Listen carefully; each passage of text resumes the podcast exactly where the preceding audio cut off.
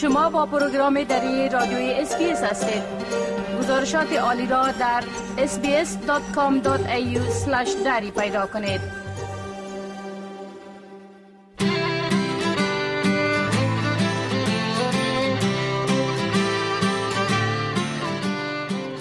به مجموعه گزارش های معلوماتی زندگی در استرالیا خوش آمدید. من مجیب منیب هستم. این گزارش ها به شما کمک می کند تا در استرالیا به خوبی ساکن شوید و احساس بودن در خانه خود را بکنید. اگر شما در استرالیا از یک شغل، تجارت یا سرمایه گذاری پول به دست می آورید، باید به حکومت مالیات بپردازید. در این گزارش چگونگی پرداخت مالیات، فرستادن پول به خارج از استرالیا و مزایای مالیاتی خانوادگی یا Family Tax Benefit را به بحث گرفته ایم. در سراسر جهان بیش از 270 میلیون نفر خارج از کشوری که در آنجا متولد شدند کار و زندگی می کنند. شمار از آنها به فامیل و دوستان خود پول می فرستند تا آنها را کمک مالی نمایند. مردم استرالیا نیز اکنون بیشتر از هر وقت دیگر به خارج از کشور پول می فرستند. راه های مختلفی برای انتقال پول از استرالیا به کشورهای دیگر وجود دارد. به عنوان مثال مردم می توانند از طریق وسترن یونین، منیگرام، حساب بانکی یا هم از طریق سیستم حواله پول ارسال کنند. آصف بارز یکی از ارائه کنندگان خدمات ارسال پول در شهر سیدنی است. او می گوید کسانی که می خواهند به خارج از استرالیا پول ارسال کنند می توانند پول خود را به یکی از صرافی ها در شهرهای استرالیا تسلیم کنند تا آنها پولشان را به بیرون از کشور انتقال دهند. سیستم حواله است که دوستا در اینجا پول برای صرافا تسلیم می‌کنن. صرافا در هر جای وجود داره. در مریلند در اوبان در دیگه ایالت ها با هر صرافی که اینا خوش بودن همونجا برن. با هر صرافی که برشان اقتصادی تمام می‌شد و customer service شان درست بود همونجا برن. ولی موضوع identification یک سوال بسیار بزرگ است که اینا هر جایی که میرن باید identification خود photo ID رو ببرن با تسلیم کنن بر امو صرافی که پولشان انتقال میده با وجود این که راه های مختلف برای انتقال پول از استرالیا به کشورهای دیگر وجود دارد آقای بارز در پاسخ به این که چرا افغانهای ساکن در استرالیا بیشتر از سیستم حواله پول خود را ارسال می کنند می گوید Western Union سیستمشان بسیار منظم است. فعلا فکر می‌کنم در افغانستان اکثر branch هایشان بسته شده fees شان پایین است. مثلا اینا بعضی اوقات دو دلار 80 سنت تنها fees می‌گیرن ولی exchange rate شان باز پایین است. banking سیستم banking که استفاده نمی‌کنن دوستا وقت زیاد در بر می‌گیره. در, پهلوش fees ش زیاد است. حالا شما از طریق banking شما می‌تونید از پشت کامپیوترتان internet banking کنید که در خارج account داشته باشین. پول میفرست پول فرستاده بشه. 35 دلار از شما fees می‌گیره exchange rate ش هم در حدود 4 فیصد تفاوت داره با نرخ صرافا. و و ای که از صرافا را اینا استفاده می‌کنن بسیار فلکسیبیلیتی های وجود داره در بین صرافا. مثلا شما پول میفرستین اش بجه شب هم شما برای ما یک پیام میفرستین که والا پول ما نرسیده. اما لحظه این کویری میشه که چرا پول از اینا نرسیده. ولی در بانک شما این کار نمی‌تونین. اگر در بانک شما یک انکوایری کنین میگه بان بگذارین ما یک هفته دو هفته در بر می‌گیره که ما انکوایری کنیم. و دومی که مسئله موضوع حواله یک ذره ارزانتر تمام میشه بر دوستا و در افغانستان هم بسیار ارزان تمام میشه که حتی در پشت خانه هایشان پول توزیع میشه. آقای بارز می‌گوید اگر مقدار ارسال پول از استرالیا به بیرون از کشور بیش از ده هزار دلار باشد باید به اداره آسترک گزارش جداگانه فرستاده شود که به نام تی تی آر یاد می شود ولی از ده هزار دلار اگر زیاد باشه یک رپورت جداگانه به نام تی تی آر threshold transaction به نام threshold transaction او جداگانه راپور داده میشه. که او, هم مربوط مشتری نیست و خود صراف راپور میده. و او کسایی که مشکوک در نظر صراف میان مثلا به نظر ما یک کسی می معلوم میشه که شما این پیسه غیر قانونی یا می‌خواد پیسه خود بشوره. یا پیسه drug dealing است. ما مجبور هستیم اگر بفهمیم قانونا مجبور هستیم به نام suspicious transaction راپور برای AUSTRAC بدیم.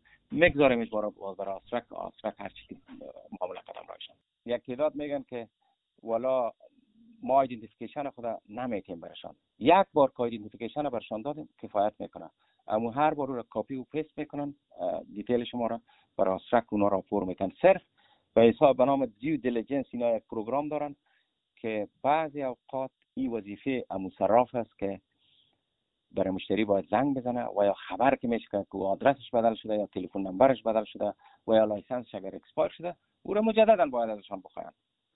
دیگر کدام مشکلی در وجود نیست. اگر انتقال پول را از طریق بانک و یا شرکت انتقال پول انجام می دهید معلومات ارسال پول خود را تا زمانی که پول به مقصد برسد در یک جای مطمئن نگه دارید. اگر مشکل پیش بیاید و پول به مقصد نرسد شما می توانید به بانک و یا شرکت انتقال پول مراجعه کنید. در این گزارش علاوه بر موضوع انتقال پول به خارج از استرالیا معلومات را درباره سیستم پرداخت مالیات نیز جمعآوری کرده ایم. اگر شما در استرالیا از یک شغل تجارت یا سرمایه گذاری پول به دست می آورید باید به حکومت مالیات بپردازید. نصیر شفق کارشناس امور مالی در استرالیا می گوید هر فردی که در استرالیا کار می کند اگر تابعیت استرالیا ویزه موقت یا دائمی داشته باشد باید به حکومت استرالیا مالیات بپردازد. هر څوک چې په استرالیا کې اوسېږي هغه که په موقتی یا دایمي ویزه وي یا د استرالیان وي نو هغه مجبور مکلف دي چې tax ورکړي د ATO د خوانه Australian resident for tax purposes. یعنی هغه څوک چې په استرالیا کې میشتي او قانوني کار کوي او پیسې ګټي هغه باید ځان ثبت کړي آقای شفق می‌گوید کسانی که از نظر مالیاتی ساکن استرالیا هستند 18200 دلار اول درآمدشان مشمول مالیات نیست. اما کسانی که بین 18201 دلار و 45000 دلار عاید دارند باید در هر دلار 19 سنت مالیه بپردازند. آقای شفق می افزاید کسانی که بین 45001 دلار و 120000 دلار عاید داشته باشند در استرالیا باید 5092 دلار برای 45000 آید خود و 32.5 سنت برای آیدی که بین 45000 و 120000 به دست می آورند باید بپردازند. خو هر هغه کس چې د اتلس زره 201 نه تر 15000 ډالر پورې کال کې عاید ولري د معاش د لاري نو هغه په هر ډالر کې 19 سنت ورکوي چې دا 19 فیصد tax شو بیا هر هغه کس چې د 15 زره او یو ډالر نه تر یو لک شل زره ډالر پورې کلنې عاید ولري هغه 15 زره او 92 جمع 2.15 سنت په هر ډالر کې دا tax ورکوي در جریان یک سال مالی اداره مالیات استرالیا از اشخاص انفرادی و تجارت ها غرض تمویل خدمات مهم اجتماعی مانند شفاخانه ها، مکاتب، سرک ها و خط ریل مالیه جمع آوری می کند. جمعه زکی وکیل امور مالیات می گوید که سال مالی در استرالیا 12 ماه است که از اول جولای یک سال آغاز می شود تا سی جون سال آینده. و با پایان سال مالی مردم می توانند حسابات مالیاتی خود را تصفیه کنند. سال مالی که است یعنی یک سال است که از جولای هر سال شروع میشه تا آخر جون سال آینده تمام میشه فکر که سال مالی 2022 از اول جولای 2021 شروع میشه و 3 جون 2022 تمام میشه. همین 3 جون 2022 تمام شد از اون به بعد باز اونو می‌تونن تکسشون حساب کنن.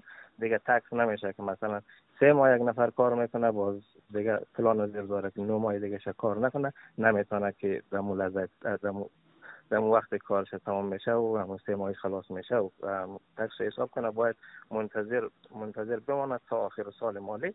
باز می‌تونه تکس حساب کنه اما سال مالی که 12 ماه است که از اول جولای شروع میشه و به سی جون سال آینده ختم میشه. در مورد این که پس از پایان سال مالی مردم چه وقت tax return خود را انجام دهند و اگر این کار را به وقتش انجام ندهند چی رخ خواهد داد؟ در این مورد آقای زکی می‌گوید. از اول جولای که شروع میشه معمولا کسایی که از طریق tax agent یا accountant حساب خود lodge می‌کنه اونا extension می‌گیره بخاطر tax agent یا accountant نمی‌تونه کل tax را خیلی زود دو ماه سه ماه خلاص کنه بخاطر که مشتری زیاد دارن. خلاصه کسایی که خودشان لازم می‌کنه بعضی کسا خیلی ساده است tax از طریق myGov lodge می‌کنه. اونا تا سی اکتبر امو سال وقت دارن. باز کسایی که از طریق tax agent حساب می‌کنه اونا به طور اتومات extension می‌گیره که معمولا امو 21 مارچ سال آینده است. فشارهای ناشی از مخارج زندگی مایه نگرانی برای بسیاری از خانواده ها در استرالیا است. حکومت فدرالی به خاطر کمک به خانواده ها انواع مختلف تادیات امدادی به شمول کمک ها و مزایای مالیاتی خانوادگی یا فامیلی تکس بنفیت را فراهم می کند. سرویسز استرالیا فراهم کننده فامیلی تکس بنفیت می باشد. این یک پرداختی دارای دو قسمت است که در مخارج پرورش اطفال کمک می نماید.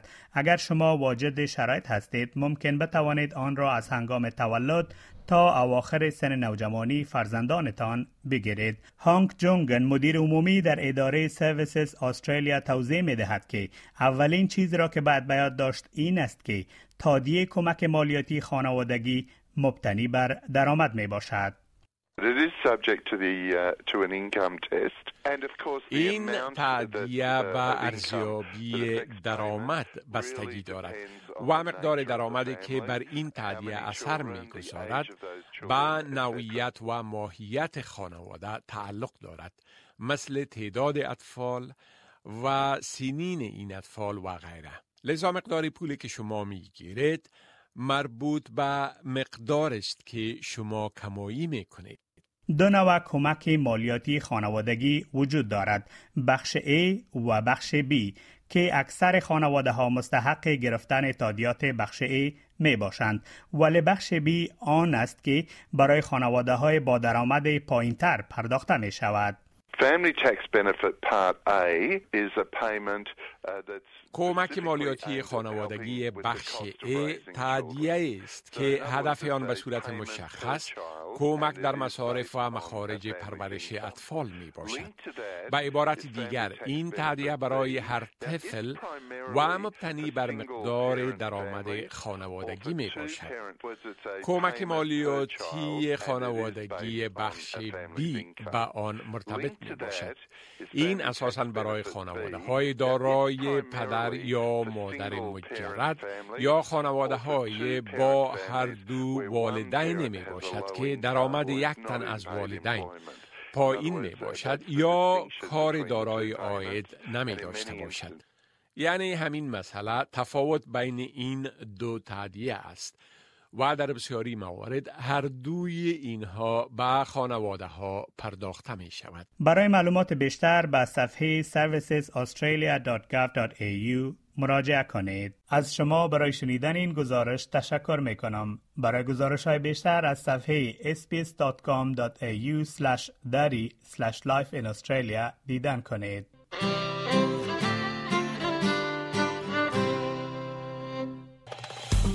بپسندید شریک سازید و نظر دهید. اسپیس دری را در فیسبوک تعقیب کنید.